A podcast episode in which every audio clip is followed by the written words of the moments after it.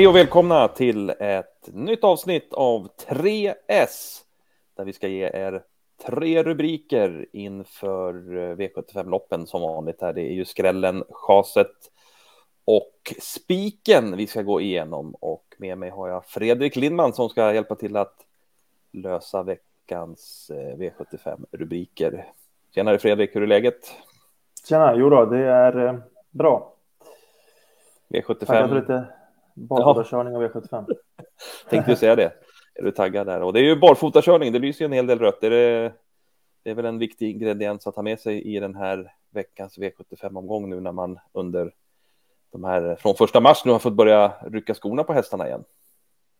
Ja, dels det att de faktiskt går barfota, men sen så dessutom då kan det vara så att många tränare kanske har laddat hästarna för att ha toppform nu då, när de ändå kan köra barfota också. Då. Så att man har liksom ja, ställt i ordning också så att man har en riktigt bra form nu till den här tiden som, som kommer här nu våren. Så att, eh, dels barfotakörningen och även kanske en, en formhöjning kommer på många stall och hästar. Mm, en viktig, viktig ingrediens att ha med sig nu när man tänker och analyserar de här V75-loppen då helt enkelt.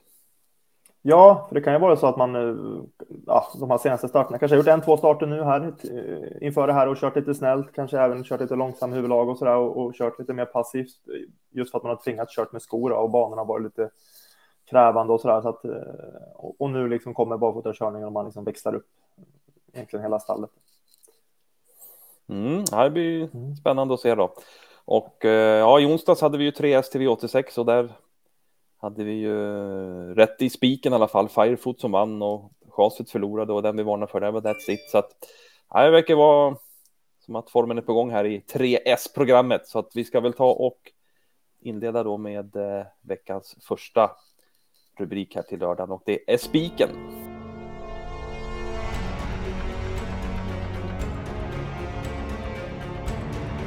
Spiken var det ja, då ska vi faktiskt eh, bläddra fram till V75 6.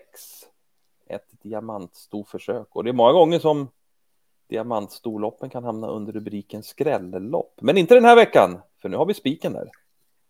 Ja, vi har tröttnat på att slösa pengar i de där storloppen, så nu, nu drar vi en spik istället. Ja, det är härligt. Berätta vilken som är spiken då. Ja, men vi tänker oss att nummer 14 Activated här i V756 eh, ska vinna det här. Hon eh, vi har bilder här från när hon vann sitt senaste lopp. Det är fem starter sen. Eh, liknande förutsättningar med tillägg i ett sånt här storlopp. Jag tycker faktiskt att det var ett tuffare lopp eh, som hon vann och vi ser här sista biten eh, att hon vinner väldigt enkelt. Då, precis som nu, var det en comeback. Då hade hon inte, hade hon inte startat på åtta månader, så att nu är uppehållet lite kortare. Det känns ganska uppenbart här att Fredrik Wallin har, har pausat henne under skotvångsperioden faktiskt. Och precis som jag nämnde innan där så är det många tränare som växlar upp och ställer ordning hästar till den här tiden som kommer nu. Jag tror att Activated är en sådan. Eh, dels då för att man nu ska köra barfota runt om direkt och eh, man har ju faktiskt ettan högst upp i raden där så att alla poäng försvinner efter den här starten. Så att det är nog i ordningställt och klart på nummer 14 Activated den här lördagen.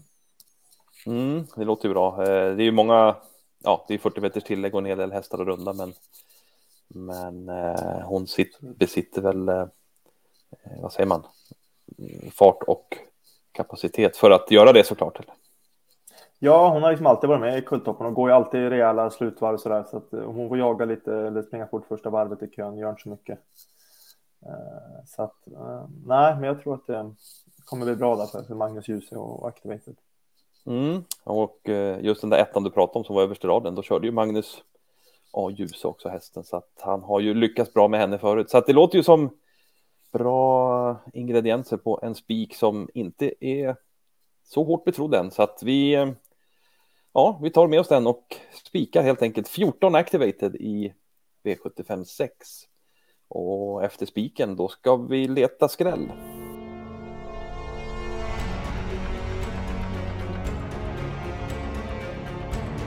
Då så, då ska vi leta skräll och faktum är att, ja, jag sa ju där i förra rubriken att vi brukar ha oftast ha hamnat i skrällopp i diamantstorlopp och Ja, det gör vi faktiskt den här veckan med, för det är två diamantstorlopp och skrälloppet, ja, det blir V75 4. Så ja, berätta lite hur vi har tänkt här då. Ja, det här är ju ett storlopp som sagt på, på två volter och eh, det känns eh, rörigt det här loppet. Eh, det ligger verkligen en skräll på lut. Det är svårt att räkna ut riktigt hur spetsstriden ska bli. Eh, de betrodda hästarna har ju nummer fem på start, Laferrere de Manche och man har eh, nummer sju, Tor Eiffel, står med tillägg. Eh, Tor Eiffel som är väldigt stark, men, men verkar trivas allra bäst på innerspår.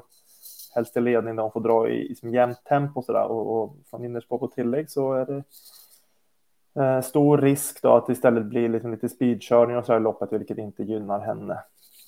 Så att, ja, men det är frågetecken på de här mest betrodda och ganska dugliga lågprocentare där bakom. Ja, det låter ju som eh, väldiga förutsättningar för att det ska kunna bli en skräll här med lite luriga lägen på de två mest betrodda. Då. Vad, vad har vi för skräll att varna för i, i första hand? Då? Ja, men en som jag tycker är alldeles eh, för lite spelad då. Det är nummer tre, Cigars Eagle Owl, eh, som ska tävla barfota runt om den här gången. Sport 3 är ju såklart ett bra läge. Ulf Olsson är vass.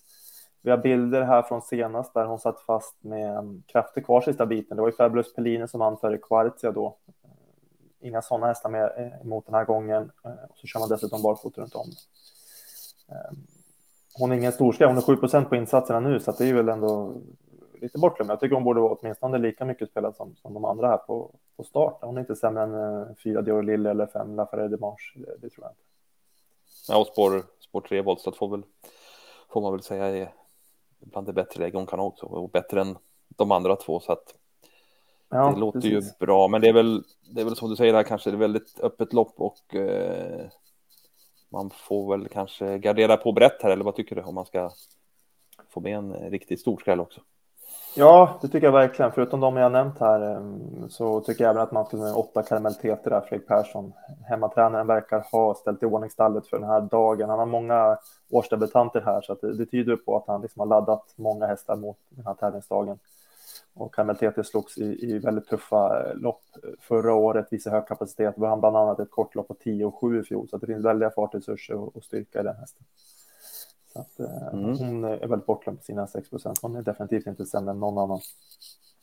Passande också för, eh, för en hemmatränare som Fredrik Persson att eh, Kalmar inleder V75-omgången när man första gången får rycka skor också. Så att det kan man ju tänka sig att han har siktat extra mot den här omgången. Så att det är ju en, mm. ett kul bud att ta med också, nummer åtta, Karamell TT. Men framför allt också nummer tre, Seagars Eagle O i V75 4. Då så, då har vi en rubrik kvar. Det är chaset.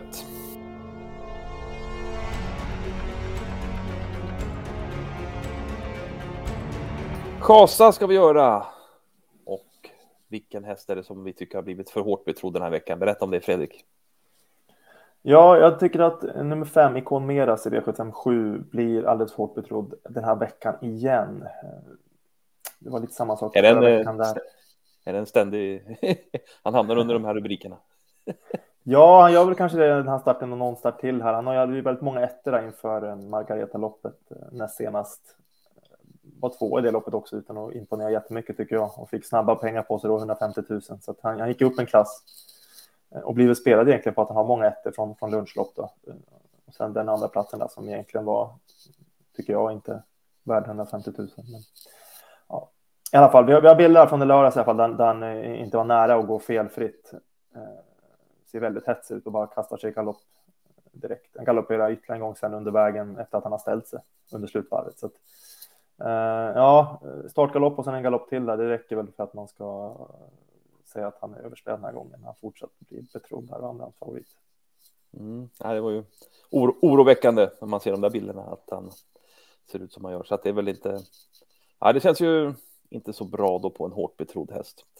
Icon mm. Meras. Men vi tror uh, betydligt mer på en annan häst där. Nummer två Boston Trio kan du berätta lite om. Ja, det var ett riktigt snyggt intryck tycker jag senast eh, i debuten för Admir där Kim körde. Man hade, fick ryggledaren från början, blev sen lite överflyglat där och hamnade i tredje invändigt.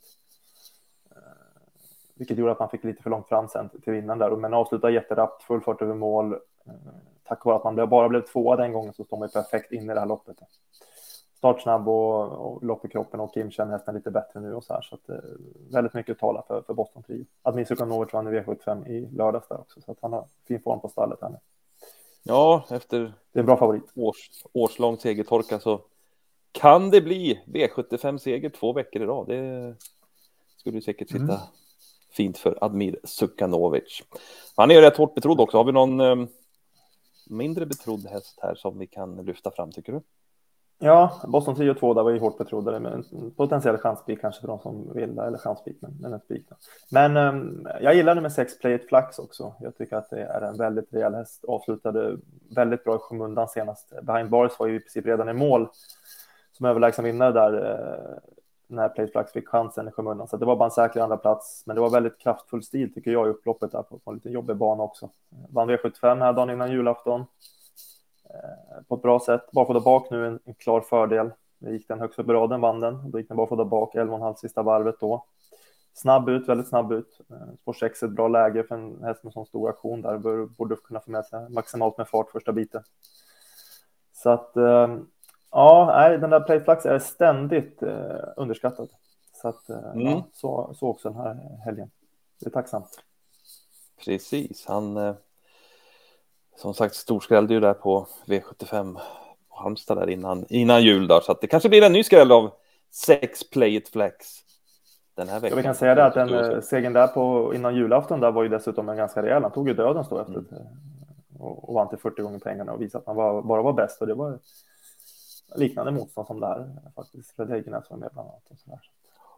Ja. och ändå bara 3 procent nu när vi spelar in det här så att det är mm. på fredag. Så att det, ja, det låter ju härligt. Så då har vi ju som sagt eh, gått igenom rubrikerna och eh, sammanfattar vi. Så avslutade vi, avslutade vi ju med chaset. Här i V75 7 på 5 Icon Meras där vi varnar för storskrällen 6 Play It Flax.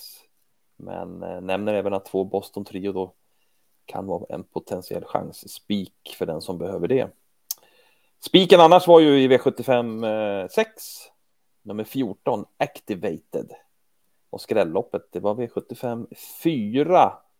Där eh, vi lyfte fram nummer 3, Seagars Eagle Owl. Och även nummer 8, Karamell TT där som två tänkbara skrällar i V75 4.